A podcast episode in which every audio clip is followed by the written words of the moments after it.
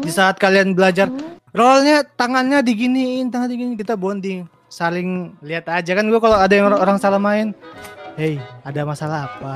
Coba. Enggak, cok, kamu beda bahasanya. Enggak, enggak, enggak, enggak gitu, enggak gitu. Nah, pas masuk, gue gitu. Ini ntar bisa dipotong kan ya?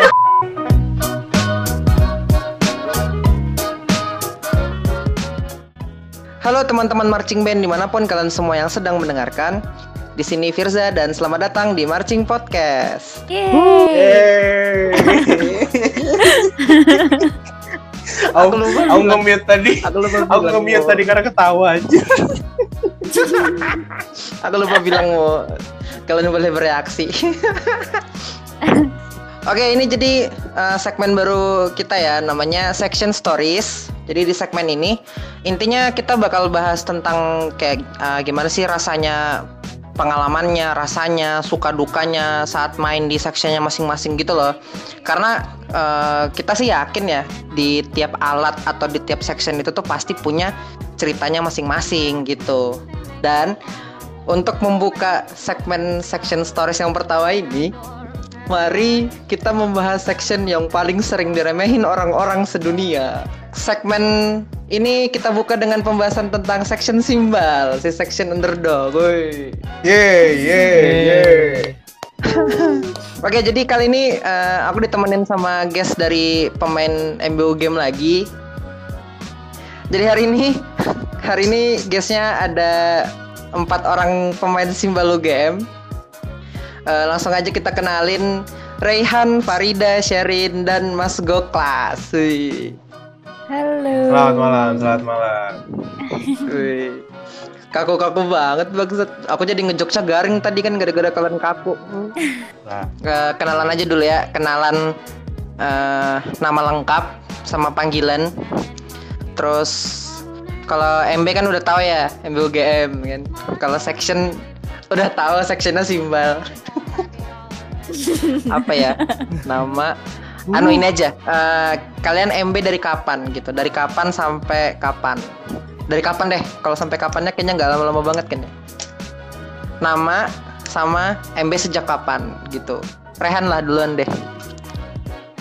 Ya selamat malam. Namaku Rehan Akmal Mengilong panggilannya Ray aku dari MBUGM section Simbal. Oh iya aku tahu. uh, aku MB mulai dari bukan MB mulai dari drum band dulu dari umur lupa aku umur berapa tapi dari kelas 3 SD itu drum band. Terus sampai kelas sampai kelas 6 SD masuk MB uh, itu bertahan sampai kelas 2 SMP habis itu udah vakum habis itu sampai akhirnya masuk kuliah balik lagi ke MB kayak kayak bacain ini riwayat hidup kamu re resume kamu tau gak sih CV kurikulum vitae. Lanjut. Lanjut si si Farida. Silakan Far. Uh, selamat malam. Malam. Wih, malam. Malam malam malam. Wow. Seperti apa ya? Seperti apel Kenalin, aku Farida Nurul Hidayah, bisa dipanggil Farida. Aku dari MBUGM, sectionnya battery. Sudah tahu. Di lininya simbol. um, terus, oh tadi ini ya, MB sejak kapan? Kalau MB itu uh, nggak ding dulu waktu TK itu ada drum band, terus udah nggak lanjutin cuman waktu TK aja sama kuliah masuk kuliah ini baru uh, MB lagi eh baru MB sejak kuliah tuh tahun tahun berapa tuh Far? Uh, 2018 ya 2018 oke okay. kayak ini gak sih Reh kayak kalau kita lagi placement itu sebelumnya pernah pengalaman MB gak? pernah mas TK iya kayak ini kayak wawancara wawancara placement test ini oke lanjut lanjut ke Sharon dulu kalau gitu ya oke okay. Uh, jadi nama aku Absherina Olivia Gata. Biasanya dipanggil Sherin ikut MB itu kurang lebih kayak Farida sih dari kuliah dari awal kuliah tahun 2018 Dan berarti ya tahunnya ya tahunnya juga sama oke tadi si Rehan tuh nyebut tahun gak ya lupa aku ya Enggak, enggak nyebut aku. Enggak, enggak. Wah, nggak nyebut. Dia yang harusnya sebut ya. Oh, 2017 ya, Ri? Iya. Tua. Bangke. Lanjut Mas Gox. Perkenalkan nama saya Maidian Goklas Pratama Simanjuntak. Asal Asik. saya dari Medan, Wow. Sumatera Utara, Indonesia. Horas. Oke. Dipanggilnya Kalau dipanggilnya tuh Goklas atau enggak Mas Goks, kalau enggak Bang Wih. Goks, ya terserah kalian lah mau manggil apa gitu. Sayang boleh. Lah itu Wow. khusus Oh, cuy. khusus ya. Waduh. Oke, oke. terkhusus ada yang manggil. Jadi jadi tuh aku mulai masuk terjun ke dunia marching band tahun 2011 kalau nggak salah waktu lagi waktu kelas 1 SMA. Sekian dan terima kasih. itu di mana tuh Mas kelas 1 SMA di Medan? Di Medan lah, masa iya gue SMA di sini. Kuliah di mana, Mas? Kuliah di Sekolah Tinggi Multimedia Yogyakarta. Kukira dia mau jawab ini kuliah di Jogja. Oh, di Jogja ya, di UGM. Jangan kalian kira Jogja itu game doang ya. Kasihan kampus-kampus lain Jadi- yang kecil-kecil. Ini buat informasi ke teman-teman. Mas Doklas ini dia kuliahnya bukan di UGM, tapi dia salah satu pemain MBUGM gitu kan, Mas? Iya, iya. Kadang kasihan cuy kalau misalnya kalau misalnya ditanya orang kuliah di mana? Jogja, UGM. Apa? Kasihan cuy kadang-kadang orang yang misalnya di kereta gitu kan, kuliah di mana, Mas? Eh, Jogja, Pak. Oh, UGM. Enggak. UGM doang emang tahunya. Iya UGM, MB-nya. Nanti kalau gue bilang UGM, ditanyain tanyain lagi kan, nggak ngerti gue ya udah mending gue bilang di kampus sendiri aja. Dah, lanjut.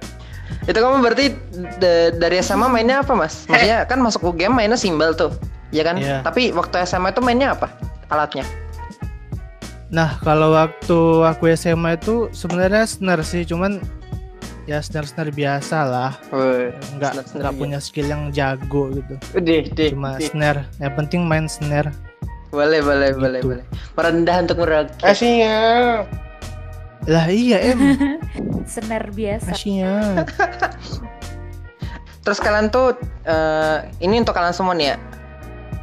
Dulu kalian daftar kenapa alasannya daftar MB gitu loh, daftar UKM atau ekskul MB. Kalau konteksnya Mas Goklas berarti kenapa jadinya daftar untuk main di MB UGM gitu. Farida deh coba. Farida yang pure MB dari kuliah kan. Yang TK kita mungkin nggak usah panjang bahas panjang-panjang ya. Iya, nggak usah. Gimana tuh? Kenapa eh, motivasinya tuh dulu kamu Kenapa kamu tertarik daftar MB? Em, kenapa aku tertarik daftar MB? Awalnya itu karena diajak sama temen. Udah gitu. Alasan yang pertama, alasan yang utama. Hah, Diajak Alasan klasik. diajak sama temen. Ajak temen. Iya beneran. Terus temannya off. Enggak enggak. Sampai sekarang dong. Sampai sekarang dong. Oh, Jadi best pantes. friend. Bagus, bagus. Terus kalau oke kan diajak temen tuh. Maksudnya selain dari diajak temen kamunya nggak nggak apa? eh masa kamu dengan diajak temen main iya iya aja tanpa ada ketertarikan sama sekali gitu kan? Pasti kan diajak temen ada ketertarikan juga dong. Nah, kan bisa aja nolak kan sebenarnya kalau diajak tanpa Iya. ketertarikan gitu kan. Nah, ketertarikannya tuh kira-kira di mananya tuh? Apa nonton pas PPSF. pembukaan ospek? Iya. Betul betul. Oh iya, Ya itu itu. dari awal awalnya dari situ. Lihat MB nih main. Terus kayaknya seru gitu ikut MB Eh. gitu ya. Iya kayak apa ya bikin merinding. Terus kayak wah Widih. kayaknya asik nih masuk sini. Terus ya Ih, udah. seperti angkatan Rehan dong itu main tuh. Apa Iya ya. tuh? Iya benar benar benar. Yang Farida tonton angkatanmu lah Re berarti Re. Oh iya. Iya. Widih. Angkatan ide sisi po berarti. Iya, iya. 2000 Iya, iya. ada masuk kelas juga 2015. berarti. Dih. Wah, aku lagi kakaknya itu ya. Ah, Mantap. udah tahu saya. Bagaimana penampilan kalian tuh? Iya. Perfect. Lanjut lah berarti si Sharon gimana Sharon ceritanya? Eh, sebenarnya nganterin temen sih. What? Waduh, Terus What? Nganterin temen terus. nganterin. Akhirnya malah temennya yang out, aku yang tetap ada di situ. Udah, udah, udah terlanjur terlalu dalam. Nah, Wow. itu tadi bahasanku Kamu mention. berarti kena ini ya, kena bujukan mautnya orang-orang yang jagain stand ya? Iya, benar Ayo sekali. Ayo ikut marching band. Kamu nggak mau Daftar sekalian? Belajar dari nol. Dia Iya. jadi bisa loh. Marching band kamu bisa survive loh. Kena jebakan deh. Tapi yang akhirnya bikin kan kamu nganter kan ya, nganter tuh, terus kena jebakan-jebakan mautnya senior-senior yang jagain stand tuh ya. Tapi eh, yang akhirnya dari kamunya akhirnya memutuskan, oke lah daftar deh apa? Eh, karena itu sih bujukan yang diajarin dari Oke. nol itu sebenarnya. Oke. Wow. Jadi karena istilahnya dikenalkannya sebagai kegiatan yang akan diajarin dari nol, kamu tertarik gitu ya? Iya betul. Karena emang sebenarnya dari dulu tertarik sama eh, ekskul musik gitu. Cuma sayangnya di sekolahku eh, nggak ada kan. Jadi ya udah Oh. deh coba-coba. Lah, tapi kamu awalnya nemenin temen pengen daftar, kamunya nggak ada niatan pengen daftar UKM gitu? Eh, ada temanku malah gantian dia yang di UKM itu sekarang. Oh, tukeran. Iya. Karena dia nemenin juga ternyata daftar Oke, juga oke, ikut. Nemenin Oke, aku. kita tidak, tidak usah sebut UKM-nya ya, tapi ada Iya, ternyata. tidak usah. Oke. Sip. Oke, kita lanjut ke Rehan, Re. Gimana, Re? Waktu SD kenapa, Re, kamu memutuskan ikut ekskul Wah, pemain sepuh nih. drum band atau marching band dulu, Re, SD itu? Drum band ya? Dulu masih drum band aku namanya. Oke, dan itu kenapa tuh kamu ikut dari SD tuh? Jadi eh, karena aku dulu anaknya dari TK ya, dari TK bener-bener udah eh, apa ya istilahnya, nggak pernah main keluar rumah. Jadi waktu TK tuh aku memegang komputer, terus eh, dia ada komputer dan dan segala macam lah, komputer, PS, terus dan lain-lain pokoknya. Aku nggak pernah keluar rumah. Terus Hmm. uh, pada satu hari waktu aku S, kelas 3 SD itu ada uh, senior senior drum band dia udah kelas 6 SD dia kayak nyari anggota baru gitu terus jalan dari kelas ke kelas uh, buat ngerekrut anggota-anggota baru. Nah, Woi, terus uh, aku mikirin kayak wah ini kayaknya asik nih main musik.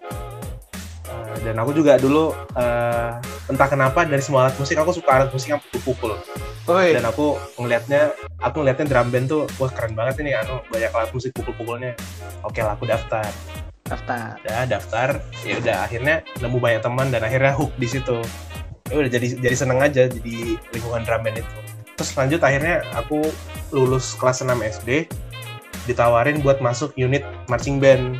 Tapi cuma setahun kurang lebih lah setahun setengah lah kalau nggak salah. Aku cuma ikut proses apa namanya Kadet. latihan dasarnya gitu. Kadetnya ya? Nah, proses kadetnya itu. Terus eh, karena kesibukan sekolahku yang makin lama makin sibuk gitu loh. Pokoknya aku dulu pulang sekolah SMP jam 5 nyampe rumah tuh terus malah latihannya dimulainya dari jam 4 sore tabrakan banget kan ya udahlah aku berhenti di situ aku lepas Oh, ini MB-nya nggak ekskul sekolah ya? enggak Nggak ekskul sekolah SMP bukan bukan ekskul Oh. sekolah SMP tuh tapi berada dalam satu instansi yang sama Oh, Oke, oke, oke. ya begitu Terus kuliah. nah habis itu habis itu aku kuliah SMA enggak berarti kan? SMA enggak, Oke. sama sekali enggak. Terus kuliah ini aku ngeliat lah eh, waktu datang ke Expo tuh gelanggang Expo ada pengen ikut UKM satu UKM aja buat nambah-nambah kegiatan. Eh, tapi bingung apa.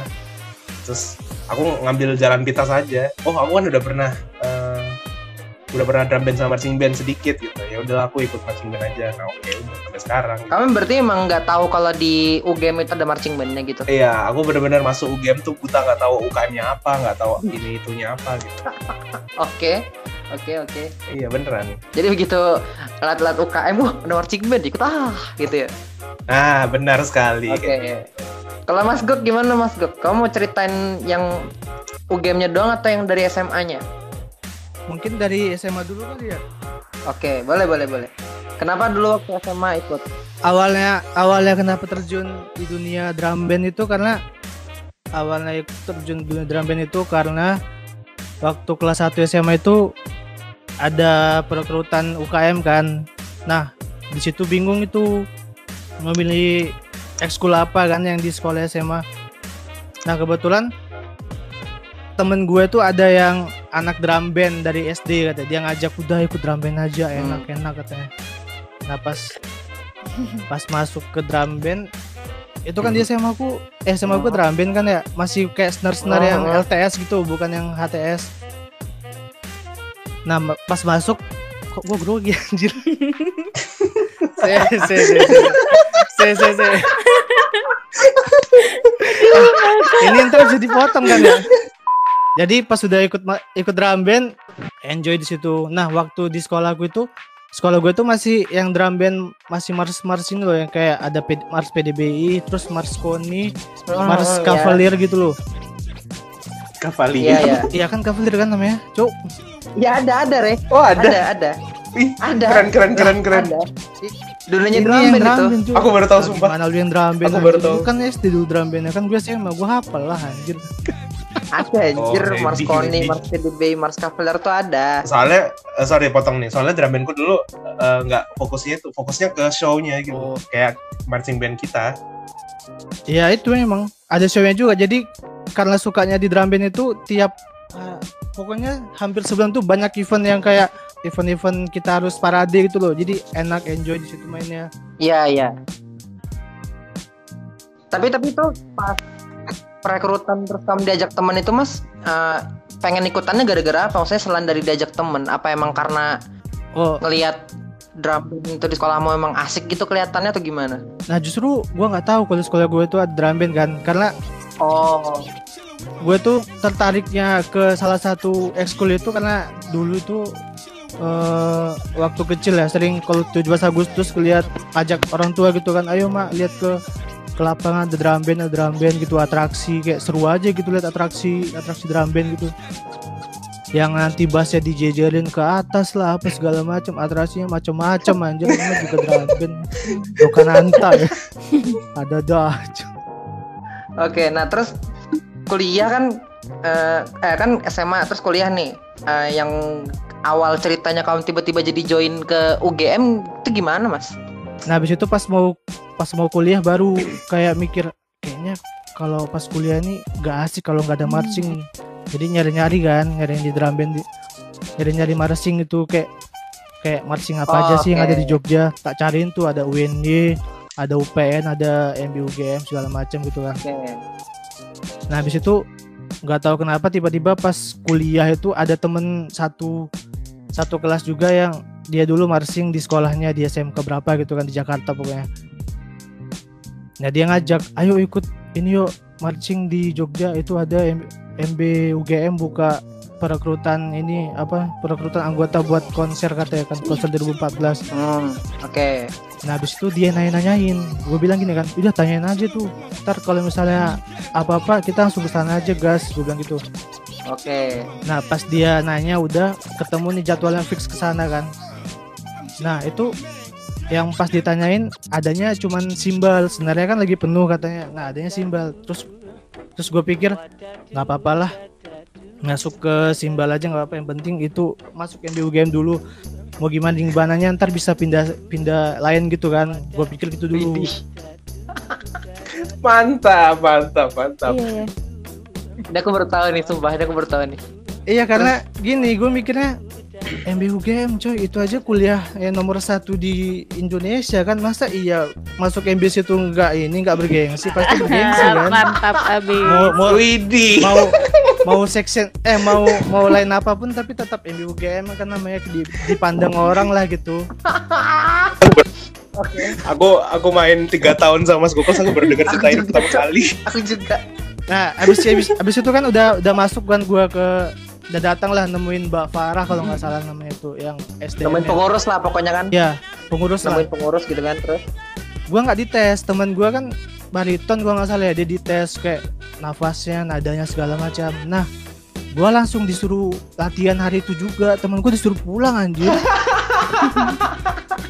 Lah, masa Kasian banget. masalahnya kan kita ini kan apa namanya satu motor boncengan terus dia jumpain gua kan panggil kita kan tong gitu kan. Tong lu suruh pulang nggak? Enggak nih gua nggak suruh latihan. Kok gua suruh pulang anjir kan muka muka melas tuh kayak kayak udah tereliminasi gitu ya. loh kok disuruh pulang? Nggak tahu kayaknya nggak lolos deh. Ya udah deh lu mau nungguin gua apa gimana? Gua bilang gitu. Nungguin aja lah kan satu motor kita. Ya nungguin gua cuy sampai gua selesai latihan anjir. Sampai apel. Wow. Oke oke oke oke. Ini aku bertahu Ca, asli aku bertahu. Oke. Lumayan dapat momen kocak lah. Ternyata bisa gitu. Terus kamu nggak mau ceritain yang itu mas? Latihan perdanamu itu gimana? First impressionnya? latihan perdana kan karena gua mikirnya alah simbal kan simbal kayak ah gampang lah simbal apa sih cuman ngekeras ngekeras doang gitu kan cuman ces ces ces Widih. Taunya pas ketemulah sama senior yang di simbal kan langsung dia jarahin ayo ke gudang ambil simbal ternyata berat cuk anjir gua ngeliat impresi gua terhadap simbal itu kan se- seukuran ini ya lebarnya diameter senar gitu kan Mm-mm. ya kecil lah paling ukuran 16 eh 14 kalau nggak salah Jelas. apa 16 gitu Ya sekitar segitu 16 inci. Nah, iya. Terus pas gua masuk dis- disuruh eh diliatin sama simbal gitu kan. Anjing, kok gede Asu. gua ambil tuh. Tinggal main. Gua kira oh tinggal main nih. Taunya di ada sikapnya terus ada cara mukulnya. Wah, berat cuk. Lengan gua habis gara-gara itu satu hari. Seriusan.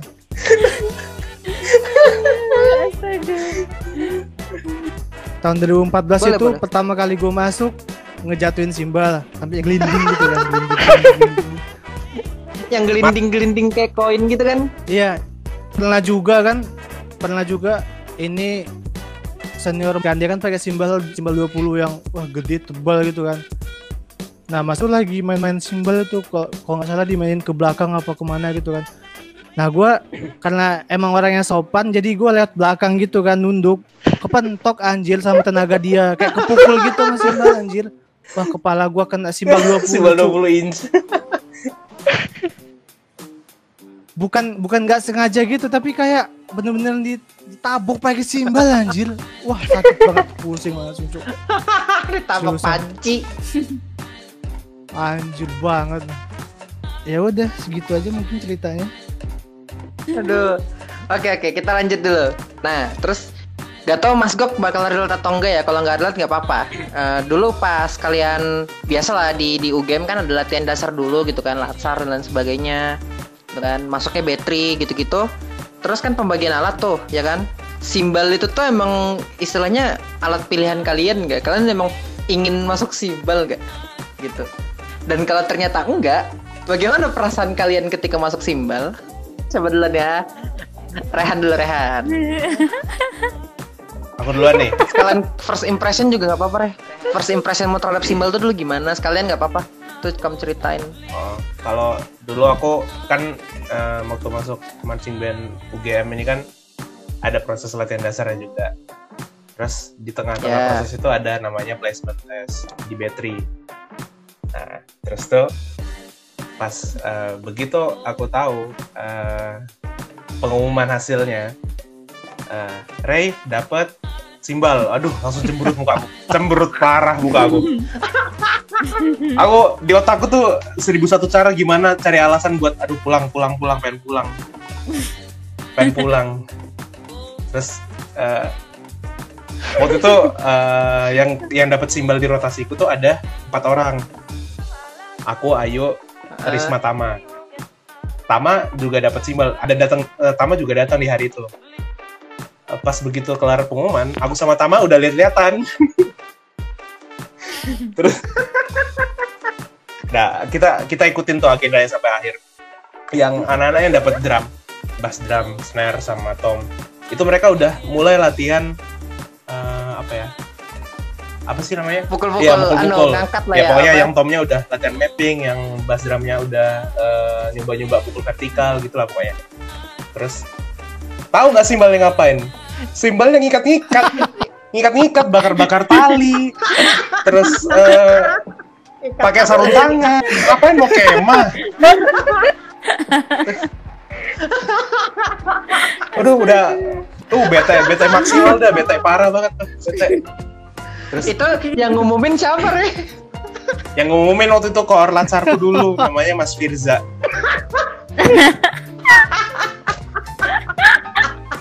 pen pen nangis ya pen pulang ya? Iya pengen pulang pokoknya udah bete udah bete parah mas. Terus eh, terakhir eh, setelah sesinya ditutup tuh eh, waktu Mas Firza lagi eh, cerita-cerita kayak ya ceramah-ceramah gitulah cerita ceramah-ceramah gitulah pokoknya kayak alat yang dapat nanti ini alatnya udah milih kalian dan bla bla bla bla bla bla. Nah aku sama Tama tuh lihat-lihatan aja tatap-tatapan muka gitu ya. Terus di akhir udah kelar Tama tuh langsung nyamperin aku ngomong Hey, eh, kue masih lanjut apa off? Terus aku jawab lah, ah nggak tahu lah, udah bete banget, pengen pulang. ya, Tapi gitulah. first impression saya begitu. Tapi emang kamu pengennya alat apa sih? Nah, kalau dulu eh, aku pengennya pertama bass drum. Eh, aduh, terus eh, si Sharon gimana Sharon ceritanya? Eh, mirip-mirip sama Mas Reis tapi kayak separah itu. Dan kalau eh, rotasiku kan diumuminnya lewat line kan Oh, lewat iya. chat. Terus pas lihat itu kebetulan aku lagi di luar juga dan lagi bete nungguin kereta. Dan lihat itu kayak tambah bete gitu. Kayak sampai nggak pengen nangis juga sih tapi bete aja langsung. Oh, sampai dikira mau keluar gitu salah paham sebenarnya enggak juga dulu angkatannya Sharon sama Farida lewat chat ya? Aku baru Oh, iya. baru ingat ya. Iya iya lewat chat. Lewat? Oh lewat chat ya dulu ya? Oh iya, Oh, kalau Rehan kan live ya, jadi nggak bisa kabur. iya itu dia. Ditanyain lagi, mau off nggak? Kau mau off gak? Gak tau, aku udah bete banget bangsat. Gimana Sharon? Tadi ini sampai mana ya Sampai aku kereta. putusnya ya kecewa gitu kan? iya Tapi ternyata kamu nggak yang sampai separah itu juga ya berarti ya? Iya sih sebenarnya kan tadinya udah kayak pas kan ada wawancaranya gitu juga kan waktu placement ditanyain kalau misalnya nggak dapet alat yang kamu mau gimana terus aku jawab ya udah udah gimana lagi kayak udah sejauh ini masa mau mundur nggak enak juga kan terus akhirnya ya udah tetap Hmm. Dengan BT-BT itu aku curhat ke nontekku yang kebetulan juga anak simbal di situ kayak ada sedikit salah paham dikirain aku mau keluar gitu kan aku denger-denger dari senior lain Sebentar informasi dulu nontek itu tuh adalah senior ya, senior. Nontek itu senior yang dia bagiannya itu menghandle hubungannya antara senior dan junior tapi nggak ke lapangan. Wah, keren. ya. Benar. Lanjut. Terus Terus curhat gitu kan ke senior terus. iya terus ya udah deh akhirnya ikut-ikut gitu tapi kalau nggak salah sih dulu aku sempat telat juga ikutnya karena ada eh, kesibukan akademik tapi ya udah deh akhirnya Hmm. ternyata pas udah dijalanin seru juga sih Widih. Berarti eh, begitu kamu diumumin kan berarti kan kamu diumuminnya bukan di jam latihan ya. Terus pas kamu latihan pertama kali sebagai simbal ini Eh, biasa aja. Atau ya udah kayak agak-agak kecewa lah masih ada rasa-rasa kecewa tipis gitu. Tapi ya udahlah sikat aja gitu. sih sebenarnya. Tapi pas udah megang tuh pertamanya kayaknya ke distract sama berat-berat itulah. Apalah sibuk-sibuk masang tali jadi kayak nggak kepikiran juga sih kecewa enggaknya. Dan kalau nggak salah pas aku masuk udah langsung lumayan main-main gitu lagi sih. Nggak cuma masang-masang tali gini gitu-gitu jadi kalau seingetku sih eh, udah nggak terlalu kecewa kayak karena mungkin aku udah ke distract juga kali ya sama si berat-berat sembala ini terus ternyata mukul tuh seru kayak gitu Oke. Karena asik ya latihan pertamanya ya. Hah. Hah, Siapa tuh emang yang yang ngajarin kamu di latihan pertama itu? siapa ya? Kayaknya namanya Rehan Mongilo. Aduh, jadi malu. Dih, Waduh. emang kamu pengennya alat apa share awalnya share? Eh, aduh, mal deh. Gak apa-apa Eh. kan keinginan aja. Kayak snare tom tuh sebenarnya 50-50 gitu kan. Karena Oh. tapi aku juga sadar diri sih, aku latsarnya juga sering bolong-bolong terus tinggingannya masih jelek banget. Jadi emang udah itu deh terus dan bass drum juga cuma ternyata pas nyoba kok kayaknya susah. bakal susah ngeliat gitu. ya udah deh. Bazar susah ngeliat. Oke. Iya, kan harus miring-miring. Terus nah, oke lanjut Farida. Kalau Farida gimana Farida? Uh, awalnya dari placement eh sebelum sebelum placement itu aku pengen alat ini snare, terus habis itu bass, terus eh, cymbal, habis itu toms. Oke, jadi Tom ini tuh yang paling, Eh, paling tapi- terakhir ya. Heeh, toms. Oke. Tapi waktu placement itu kan aku pertama kali dicobain itu di Simbal. Nah, itu sama Ega. Nah, terus eh, setelah Simbal tuh aku ngerasa fine-fine aja kayak oh ya agak lumayan bisa lah temponya. Terus em, setelah Simbal karena Simbal berat kan aku masuk placement di snare. Nah, snare-nya tuh jadi gemeteran gitu karena saking beratnya Simbal. Terus akhirnya jadi nggak konstan buat main sticknya di apalagi kalau snare kan mantulnya eh, mantul sticknya tuh bener-bener yang bisa mantul banget gitu kan. Jadi kayak gemeteran gitu akhirnya ya udahlah di akhir placement itu sebelum wawancara aku mikir kayak apa aku simbal aja ya yang apa yang nggak terlalu yang menurut aku aku bisa kayak gitu. Akhirnya ya udah akhirnya aku milih simbal selesai. Dan ternyata aku keterima simbal ya udah aku senang aja sih. Maksudnya nggak nggak yang nggak yang kecewa Oh. banget gitu Oke. gitu Eh, oh ternyata si Farida santai-santai aja dia ya. Perspektif baru lah, bukan yang ngebenci gitu tahu masuk simbal gitu kan. Gitu loh, Re. Penyikapan tuh Loh. bagus gitu loh, Re. Di awal-awal, Nah, Re. kan manusiawi spontan lah kayak gitu dan itu kan juga aku tunjukin ke orang-orang kan. Itu kan cuma aku simpan sendiri. Ya enggak. Apaan orang kamu ngilang seminggu kok bisa dihubungin? Udah latihan. Gak ketunjukin ke orang-orang kok. Ngilang kamu seminggu latihan apa? ah itu enggak. Itu sibuk itu sibuk sama kegiatan lain. Oke, jadi ta- eh, jadi minggu lalu aku udah tanya di Instagram kan. Ada yang mau ditanyain Gua gak nggak buat tanya poin tadi. First impression. siapa aja boleh deh, siapa yang mau jawab. Enggak enggak yang pertanyaan pertanyaan sebelumnya gua nggak ditanya, Po. Oh iya, sorry sorry mas, astaga. sorry mas, parah ulang ulang ulang. Nih kan kamu daftar ambil game kan dan ternyata yang open slotnya simbal gitu. Itu gimana tuh akhirnya? Apakah kamu rada kecewa karena kamu pengen snare do snare gitu kan atau gimana? Iya. Eh, jujur rada kecewa dikit sih karena yang Oke. op- yang open cuman simbal tapi dengan dengan harapan penuh bisa pindah gitu kan bisa pindah ke lain-lain Oh, gua nyoba Oke. ke nyoba masuk nyoba nyoba join lah tahun 2014 kemarin itu dan ternyata dari proses latihannya asyik menyenangkan bersama senior-seniornya oke. dan di, dan di saat Mantap itu jiwa. mulai menyenangin simbal karena kalau kita bisa nge-spin aja orang itu udah kayak wah simbalnya keren gitu loh. Padahal spin doang. Oke. jadi nggak selamanya simbal itu jelek asalkan kita tuh bisa membuat variasi-variasi keren gitu loh. Jadi jadi sejak saat itu kayak udahlah apa apa udah tetap di sini aja stay di simbal karena toh juga mau pindah ke lain-lain kan ke lain lain yang lain. Apa sih anjir? Lain-lain Alat lain, alat lain. ke iya ke alat lain itu kan harusnya seorang Iya iya iya. AI harusnya bukan bukan untuk diajarin lagi kan, bukan untuk dilatih lagi harus tapi harusnya AI ini dipanggil bisa mengajarin yang teman-teman satu satu lai- lainnya gitu kan. Makanya tak pikir udah di simbal aja toh udah juga menguasain beberapa teknik simbal juga gitu loh. Jadi makanya itu tetap stay di simbal Oke. dan asyik di simbal. Asyik, mengasyikkan sekali. gila bijak banget bijak banget Eh btw AI itu anggota istimewa ya buat teman-teman yang nggak tahu. Anggota istimewa tuh intinya pemain yang bukan anak UGM gitulah intinya ya. That's right, baby. Oke. Oke lah jadi jadi kayak gini nih. Biar bahasan segmen section stories nih asik kan jadi eh, sebenarnya di akunnya ada beberapa pertanyaan yang kemarin aku tanyain ke Instagram. Ada yang mau ditanyain gak buat anak pemain simbal gitu kan. Dan itu pertanyaan-pertanyaan yang ditanyain sama anak yang bukan simbal gitu ya. Intinya tuh benar atau salah. Nanti kalian coba bilang benar atau salah.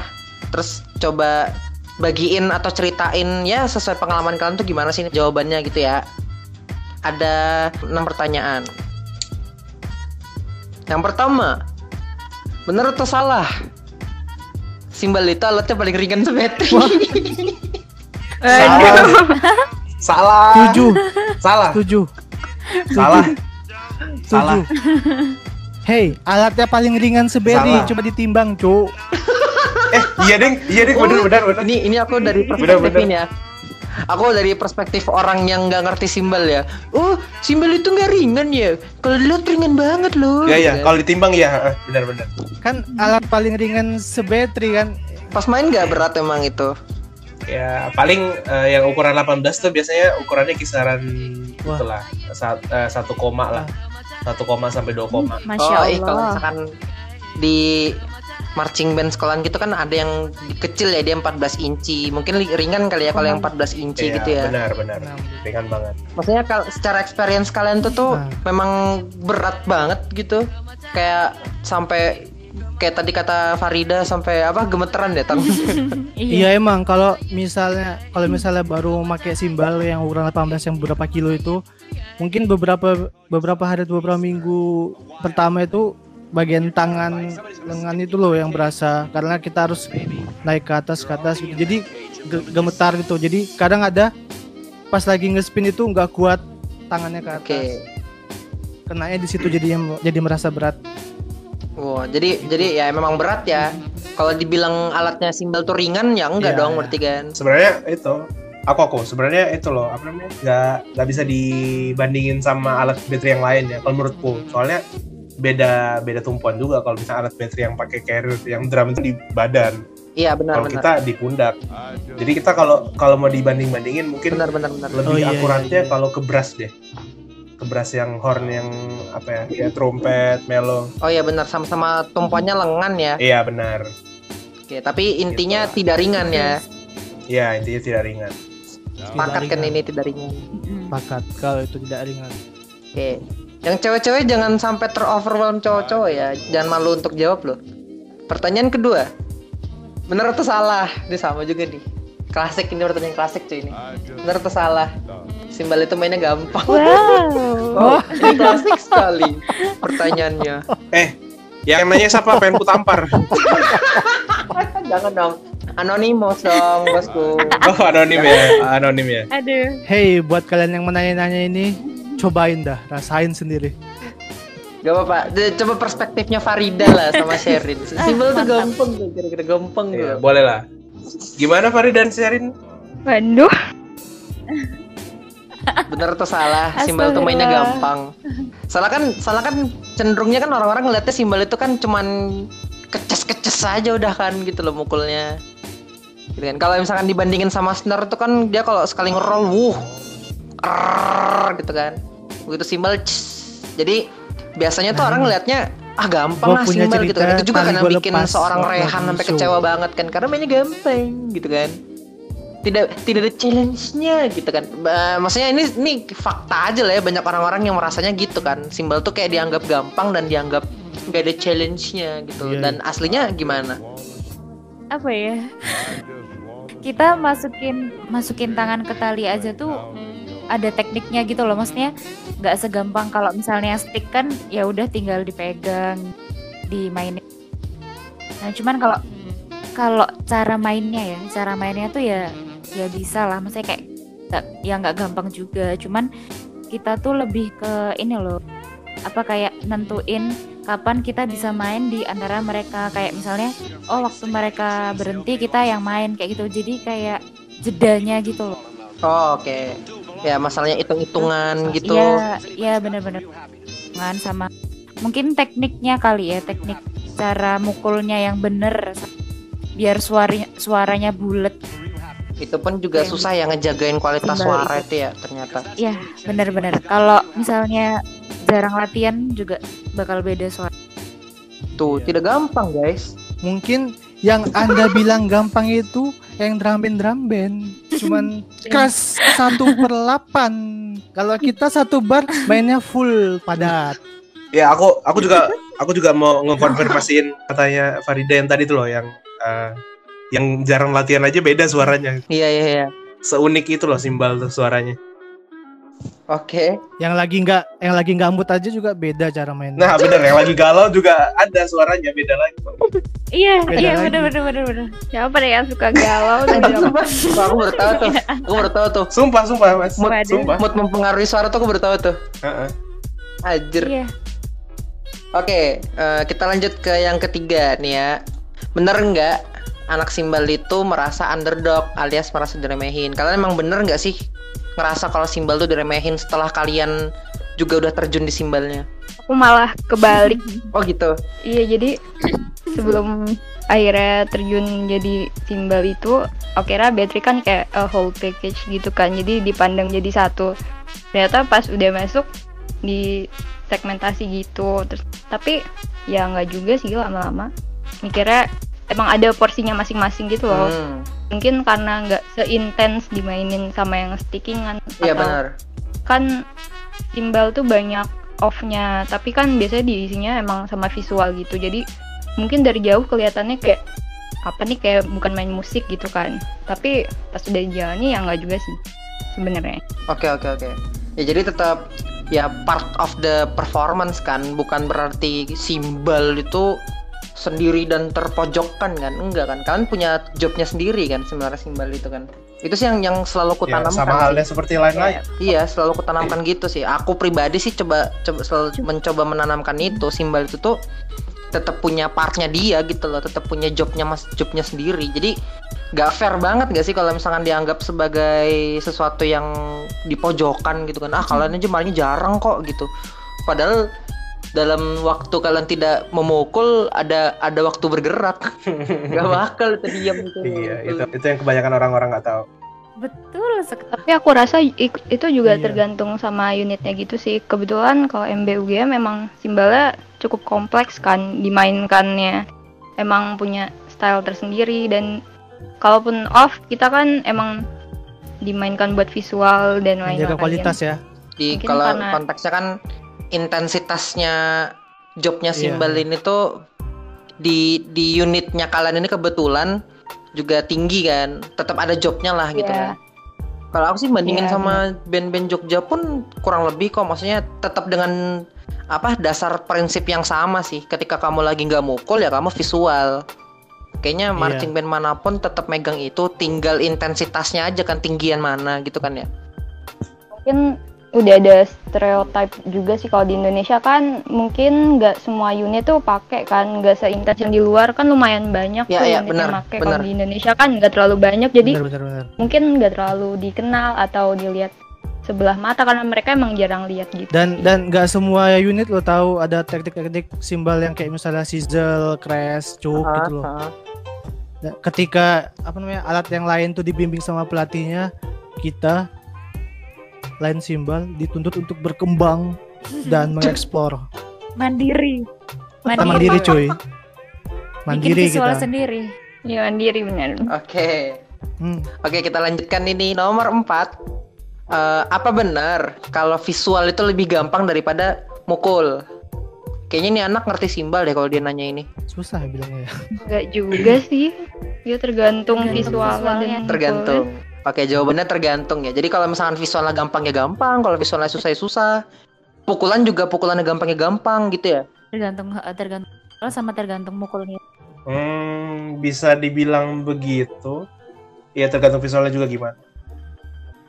Jadi eh, kalau menurutku tergantung pelatihnya yang instruksi yang gimana. Kalau pelatihnya minta coba visualnya lakuin dulu, nah itu mungkin gampang. Tapi kalau coba visual tambah mainnya, nah itu beda lagi tuh. ditambah display itu lebih lagi Ya, itu kan kayaknya di semua iya nggak sih? Semua, cok, semua kayak gitu nggak sih? Mau brush juga, mau battery juga, pit pun juga sih kayaknya ya. Namanya visual dan sambil main ya. Mungkin susahnya nyari visual itu karena nyari ini sesuai dengan mood lagu yang diminta gitu. Hmm, Jadi kita oke. bingung ini, ini susah gimana. Oke oke oke. Dia kan tetap tetap kalian kan simbal dengan karakternya simbal tetap harus gambarin lagu gitu kan ya. Memberikan penggambarnya lagu Iya. kan. Soalnya kan mungkin ya, mungkin eh, persepsinya orang-orang itu sim, eh, simbal ini kayaknya akan lebih gampang visual karena lebih banyak gak mukulnya kan. Waktunya kalian bervisual kan biasanya lebih banyak daripada waktu kalian pukul kan. Terus untuk mengisi waktu mungkin kan ah mungkin lebih- visualnya lebih gampang lah, orang lebih sering dilakuin kok. Mungkin kali ya. Tapi intinya jaw- jawabannya adalah tergantung, benar? Tergantung. Jadi nggak ada benar nggak ada salah ya. Bener. Benar. Ya, Iya. Nah ini ini yang asik nih pertanyaannya nih. Eh, benar atau salah? Lebih mending dengerin lagu daripada ngitung. Kayaknya nih konteksnya eh off-nya simbal itu kalian lebih pilih lebih lebih mending dengerin musiknya sebeter daripada ngitung gitu. Bener nggak? Atau malah lebih enak ngitung? Tergantung, jadi sama. Tergantung lagi sih. Aduh. Iya kan tiap orang ada yang lebih visual, ada yang Oke. lebih numerikal, ada yang dia lebih audio gitu. Tiap orang beda-beda. Kalau aku personally lebih dengerin musik soalnya apa ya? Titik-titik berhenti apa enggaknya tuh kalau ngitung malah aku malah bingung gitu sih. Bisa Oke. jadi tengah jalan hitunganku kacau gitu. Kalau musik kan emang kayak gitu. Mungkin kalau kalau misalnya udah apa ya kayak aku campuran sih mas kadang kadang kalau misalnya emang harus ngitung ya ngitung kalau misalnya dengerin ya lebih sih karena emang apa ya kayak kadang-kadang tuh eh, alat lain tuh bisa kayak beda gitu loh dari hitungannya kita. karena karena biasanya Ray yang sering miss tempo. Kayaknya gitu. Eh, nggak gitu ya, nggak gitu ya. Eh, siapa yang sering tempo enak aja. Aku yang dating terus buat kalian. Kadang kadang lu lu ngitung dating juga posisi masuknya salah, Cuk. Ya, itu berarti Masuk juga salah. aba-abanya itu yang salah berarti. Mungkin kalau gua itu ngitung mungkin ke pas bagian musik yang crowded ataupun yang lagi Oke. main tempo yang in up in up gitu loh. Jadi biar nggak salah salah tempo pada pas bagian situ. Itu Oh, doang. Oke. Jadi kalau misalkan eh, timingnya rumit le- lebih ngitung ya. Iya iya lebih ke ngitung. Cuman kalau udah udah rada slow lebih ngikutin ke musik dan ngelihat kondakan juga sih pastinya. Tapi berarti dari dari ini tuh belum bisa ketemu ini ya. Generalnya pemain simbal tuh lebih suka ngitung atau lebih suka dengerin musik sih ya. Ya tetap jawabannya tergantung sama preferensi pemainnya ya. Sama aku juga eh, biasanya eh, aku kan orangnya juga eh, apa sih namanya? ingatan fotografi gitu loh. Jadi kayak eh, kalau aku udah ngeliat partitur, kalau aku udah ngeliat partitur tuh bakal aku ingat partiturnya tuh, bukan bukan maksudnya hafal mati gitu tapi Eh, kalau misalnya kita lagi main lagi main di lapangan terus musiknya kayak gini yang dia yang ada di kepalaku tuh malah partiturnya paham gak sih yang ada di kepalaku partiturnya Ya, aku juga sejenis Mas Ray gitu sama kalau misalnya ada visual kan juga biasanya di partitur Oh, ditandain gua kira cuma aku doang kode-kode kayak gitu. gambar gitu kan. Tergantung juga sih. Soalnya kalau ngitung tuh Oke. gampang. Oke, terus ini pertanyaan terakhir ini yang versi follower ya, yang terakhir nih. Bener nggak? Tangannya simbal sering lebam-lebam atau biru-biru. Jangan ini, ditanya. Ini kayaknya konteksnya kalau ini deh, kalau mukul yang itu loh teknik slap atau nggak teknik cok itu nggak sih yang langsung di anu ke dada, gitu yang Cuk. langsung mati. Iya. Iya. Eh, Itu nggak tapi nggak cuma tangan nggak sih, sampai dada nggak sih itu sampai biru-biru. Eh, Iya, ini podcastnya di IG nggak sih? di IG. Apanya? Bisa ngasih visual gue tandain bagian yang lebam-lebam gitu nggak? Soalnya banyak banget nih bagian tubuh yang bisa lebam akibat semuanya. ya ya. Berarti Apalagi kalau simbalnya nggak utuh. aduh Nah iya itu Aduh. juga sangat berpengaruh. buat buat yang buat yang nonton ini yang denger ini mungkin simbol kita itu Mm-mm. variasinya lebih banyak lah, lebih Iya. banyak improve. nggak simbal simbal tuh bentuknya nggak mesti bulat kok simbal bentuknya nggak mesti Berbentuk-bentuk ada ada yang reliefnya. setengah lingkaran Gak mesti ada bulat yang kok. sabit nah, Ada yang kayak apple juga yang ada kroak-kroak. ya. Embuan sabit. Aduh. Tergantung pas kapan sialnya aja kena nusuk itu loh. Iya, Ah. bahkan nggak lebam baju sobek juga bisa. udah tuh Mas Firza kalau mau ngasih disclaimer boleh tuh disclaimer apa anjir? Apa yang kasih disclaimer? ya tentang bentuk bentuk tentang bentuk-bentuk simbal Tapi kita ini nih, ntar gue mau ngasih tau ini nih. Eh, efek yang ditimbulkan hasil dari simbal itu mungkin kalau di baju hitam warnanya bak- bakal belang-belang ke pink terus kalau yang navy juga sama belang-belang ke pink jadi orang bakal ngiranya baju kita luntur, nggak pin- nggak pandai nyuci. Begitu. Dan tuh. lunturnya lunturnya semuanya di bagian yang Tapi- sama. Tapi lunturnya cuma di bagian Iya bagian yang sama Iya, boy yang Di buluk. depan sama samping kanan Iya. kiri udah Tangan Gampang tuh ngeliat lihat pemain simbal itu sering ngecuk atau sering nge-slap di bagian atas sama bawah gampang. Eh baju hitamnya di mana ada bekasnya Eh, itu. tapi itu sakit nggak sih? Apalagi pas kalian pertama kali eh, latihan teknik itu tuh. Wah, kalau pertama kali latihan kayak gitu menakutkan sih. Jadi ibaratkan kayak kita punya pisau yang harus ditunjukin kita tuh berani nggak sih gitu mukul diri, mukul diri kita sendiri. Hmm, Boleh iya, tuh iya, iya. testimoninya tuh. Silakan Farida sama Erin tuh Waduh. testimoninya gimana? Hmm, Langsung biru Malamnya Tapi Abis tapi kadang tuh nggak kerasa juga sih taunya besok besoknya tangannya udah kayak kulit jerapah gitu saking baiknya tapi kalau misalnya udah tahu tek bener ya nggak bakal nggak bakal lebam-lebam cuman kalau misalnya kayak salah iya salah gerak ya baru itu lebam dan bisa bener-bener bikin sakit dadanya Hmm, sedap. Uh, Itu kalian nggak serem apa pas dicontohin pertama kali itu kan? Wih, gila, ke badan tuh. Mati gitu kan.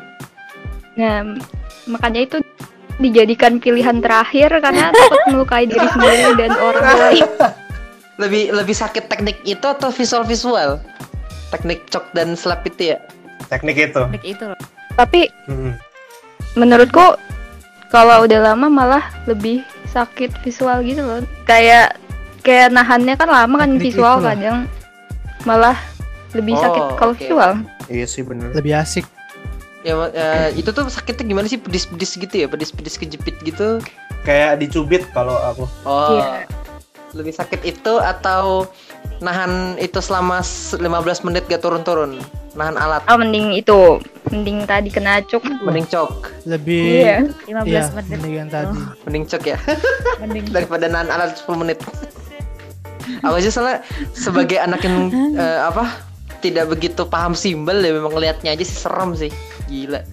Tapi kalian lihatnya keren nggak kita kayak gitu? Keren anjir kalau aku sih keren ngelihatnya kayak wah anjir Nah, mantep lah Di bernyali. balik keren itu ada pengorbanan, Cuk. Kita harus mengorbankan badan kita buat memukau semua orang gitu loh. Wow, hebat. Terus kalian Iya, waktu Kak. pertama kali mau mau belajar itu gimana gemeteran gak anjing takut aku lebih aduh, sakit lebih nggak berani sih kayak "Ah, ngapain kok ke badanku ditusuk-tusuk gitu loh. Lebih ke itu sih ya. What? Nggak ada teknik lain apa gitu loh kayak ngapain kok simbal yang segede ini yang setebal ini harus dipukulkan ke Jadi- badan? Emang apa hasil dari bunyinya gitu? Jadi nggak maksimal gitu. Jadi nggak 100% nyobainnya. Gitu lah pokoknya jadi powernya Iya, dikurang-kurangin. Takut-takutan. Tapi gitu. justru kalau Eh. power dikurangin hasil suaranya malah Makanya- jadi nggak en- nggak bagus. makanya ini ya makanya dia kunci kunci pertamanya itu tuh ya berani dulu nggak sih kalau belajar yang sekali. cok atau Benar slap itu kan benar. Ah, harus benar. berani dulu lah terlepas dari hasil suaranya bakal gimana kan Penting berani dulu. Mm-mm. Terakhir banget suara tuh. itu ek- ekuivalennya ah, rim Iya. shot nggak sih itu teknik itu tuh shot eh, apa si cok atau si slap Ah. itu kan dia ekuivalen sama rim shot kan Iya. eh tapi kalian sering nggak ngegepengin simbal wah itu adalah keahlian Mas Ray Bukan sering sih, pernah tapi. waduh ini ada dua orang yang sering Bukan pengen ngebikin cekung. kebalik bikin kebalik Pokoknya simbal UGM tuh bentuknya bermacam-macam karena itu Mas Rey.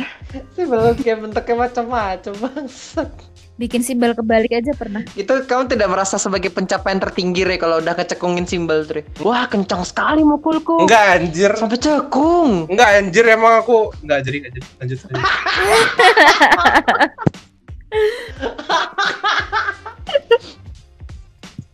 ya jadi eh, mohon maaf ya untuk eh, Kabit Perkap marching band UGM dari tahun 2018 sampai 2020 semenjak aku main simbal di MB UGM jadi kayak eh, budget buat perbaikan simbal tuh banyak di tahun itu ya.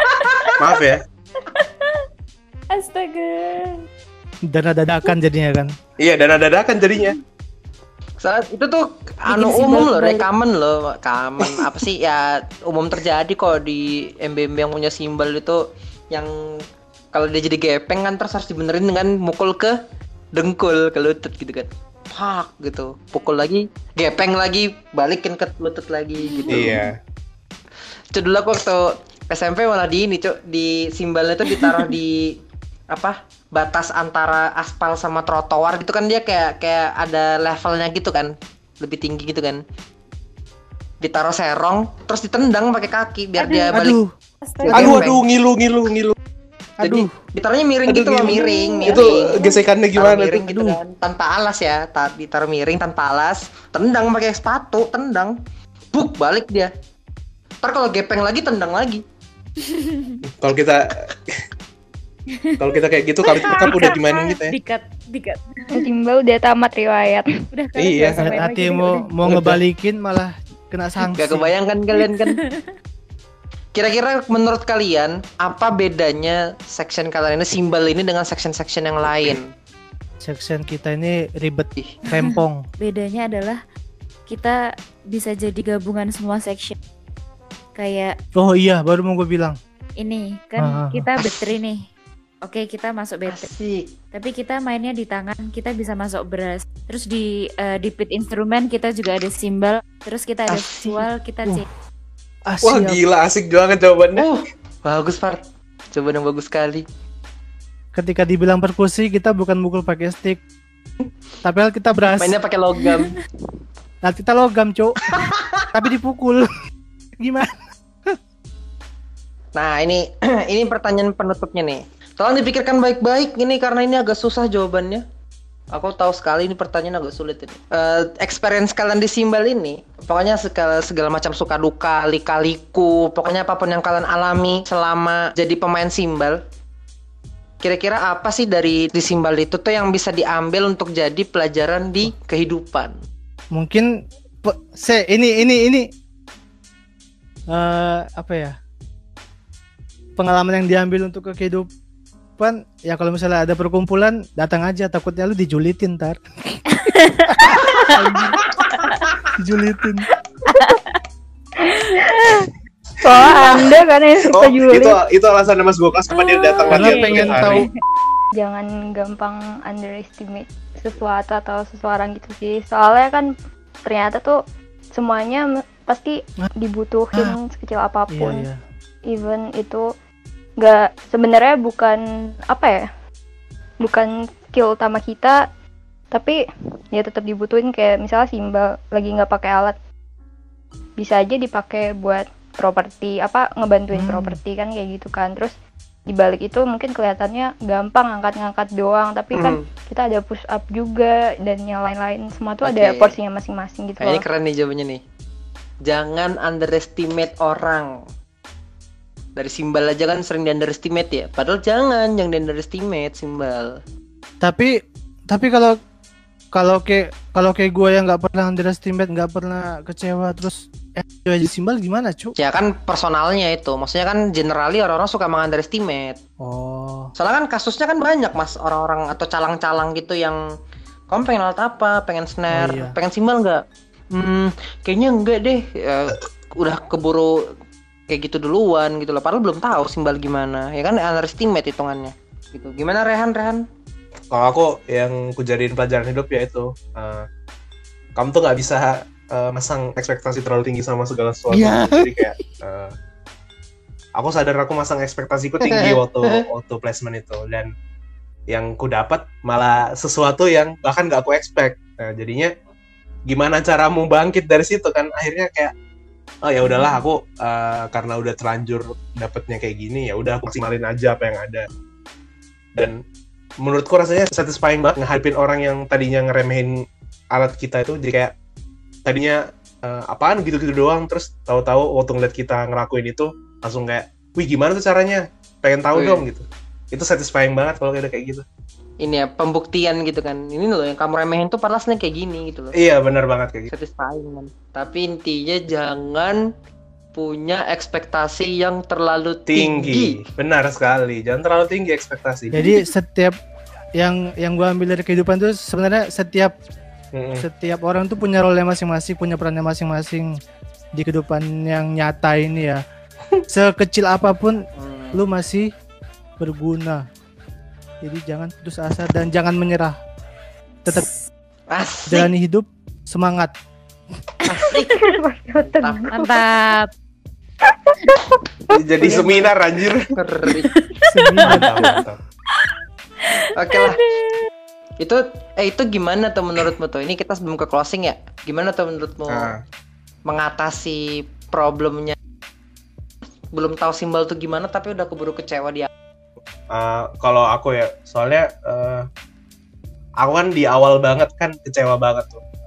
Uh, kenapa aku masuk simbal? Soalnya uh, pandanganku terhadap simbal tuh uh, di battery kan ada empat section tuh yang ku tahu dan simbal ini salah satu yang uh, tingkat Underdog. tekniknya tingkat te- tekniknya itu nggak sesusah alat yang lain jadi aku udah mikir kayak eh, aku pengen alat yang yang menjadi tantangan buat kupelajari dan itu bukan simbal pastinya begitu begitu aku masuk simbal jadi jadi berubah semua kan itu nah aku ngatasinnya tuh eh, kayak alah ya udahlah udah udah terlanjur nyemplung ya udah aku lanjutin aja Eh, mending Oh. mending aku mending aku sekalian jadi jago daripada aku setengah-setengah ngejalaninnya gitu Hmm. Jadi sekarang udah jago gitu. Oke. ya kan belum masih belajar OTW pelatih. belajar untuk menjadi Ya. jago Ini nih buat yang lain ya, nggak cuma Rehan doang nih. ya. Maksudnya dan ini juga bukan berarti untuk yang Iya. diri sendiri doang ya. Misalkan kamu punya adik kelas Hmm. yang ternyata fasenya sama kan masuk simbal tapi kecewa dulu di awal. Nah, itu tuh kira-kira harus diatasi dengan gimana sih? Terus lebih diajak ngobrol terus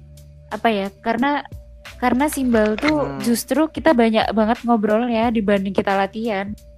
Aduh jangan, Jangan dikasih dikasih tahu, tahu, jangan tahu. cu. Oke. oh, iya.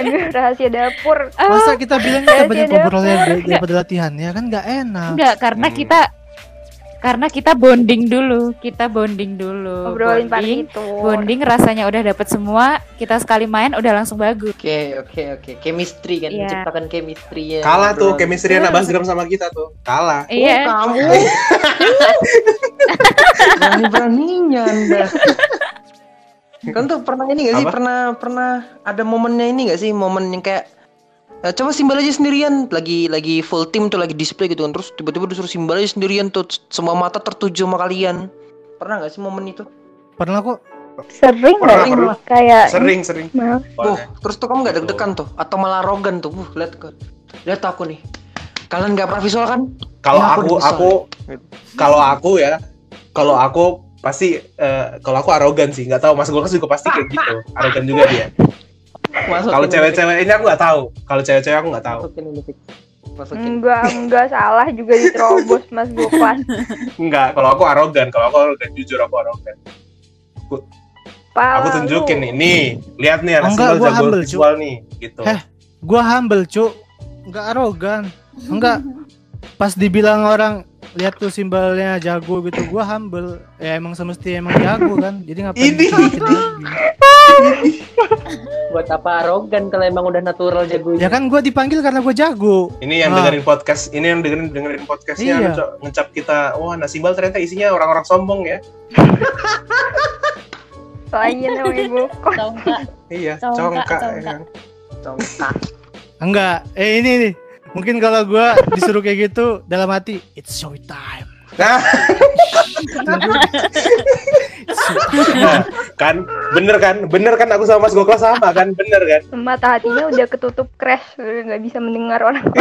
udah budek. Coba simbol mainin part bagian ini. Coba tiru go kelas ya. Coba lihat go kelas. It's show time. Baby. Look at me. tapi tapi iya, iya, tapi iya bener-bener. Tapi iya, ya kan bener kan Eh, emang iya. Tapi iya. Maksudnya kayak nah, ah lihat nih gua bisa. nah, Oh, tuh gitu tuh ya. bener kan Eh, Oke.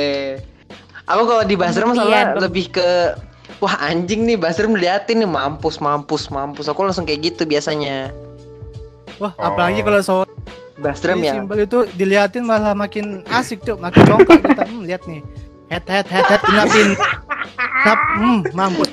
Ini dan nap. mungkin Mas Birja tuh ngerasa kayak gitu mungkin karena Hmm. anak anak bassnya tuh punya punya itu punya presentase mereka bakal salah mainnya ya enggak salah. Iya maksudnya kan uh, aku nggak bisa ini dong nggak bisa dengan penuh kepercayaan diri dan keyakinan secara 100% main koneksi ini bakal benar. Karena aku bergantung sama teman-teman ke depan belakang kan mereka bener atau enggak kan? Hmm. aku tahu yang kupukul bakal bener tapi kan aku nggak tahu kalau depanku dan belakangku bakal bener atau enggak gitu loh. Jadi deg-degan lah. Anjing lancar nggak ya ini ya? Disuruh sendiri nih lancar nggak ya lancar nggak ya gitu loh Kalau kalau di simbal tuh kita Ya, saling terus saling percaya. harus pede nggak sih malah makanya Iya. malah jadi congkak gitu Karena bonding kita sudah kuat. Nah, itu dia. Karena kita bondingnya lebih lama dan lebih Ih. kuat. Iya. Nah, yang lain itu belajar kan kita Benar. bonding Nah, Benar, benar, itu benar. yang dari tadi mau aku sampaikan. Oke, jadi saatnya kita closing ya. Kayaknya udah cukup lah ngobrolin tentang simbolnya ya. Eh, pertama terima kasih buat teman-teman simbol yang sudah mau ngobrol di episode ini. Yeay. Eh, terus ini ku apa? Ku luruskan di di ini ya di akhir ya. Diluruskan kalau tujuannya episode ini tuh bukan berarti aku pengen merendahkan section-section lain dan mengatakan bahwa section simbol atau section apa pun yang nantinya akan dibahas itu tuh adalah section yang paling superior di marching band enggak gitu loh.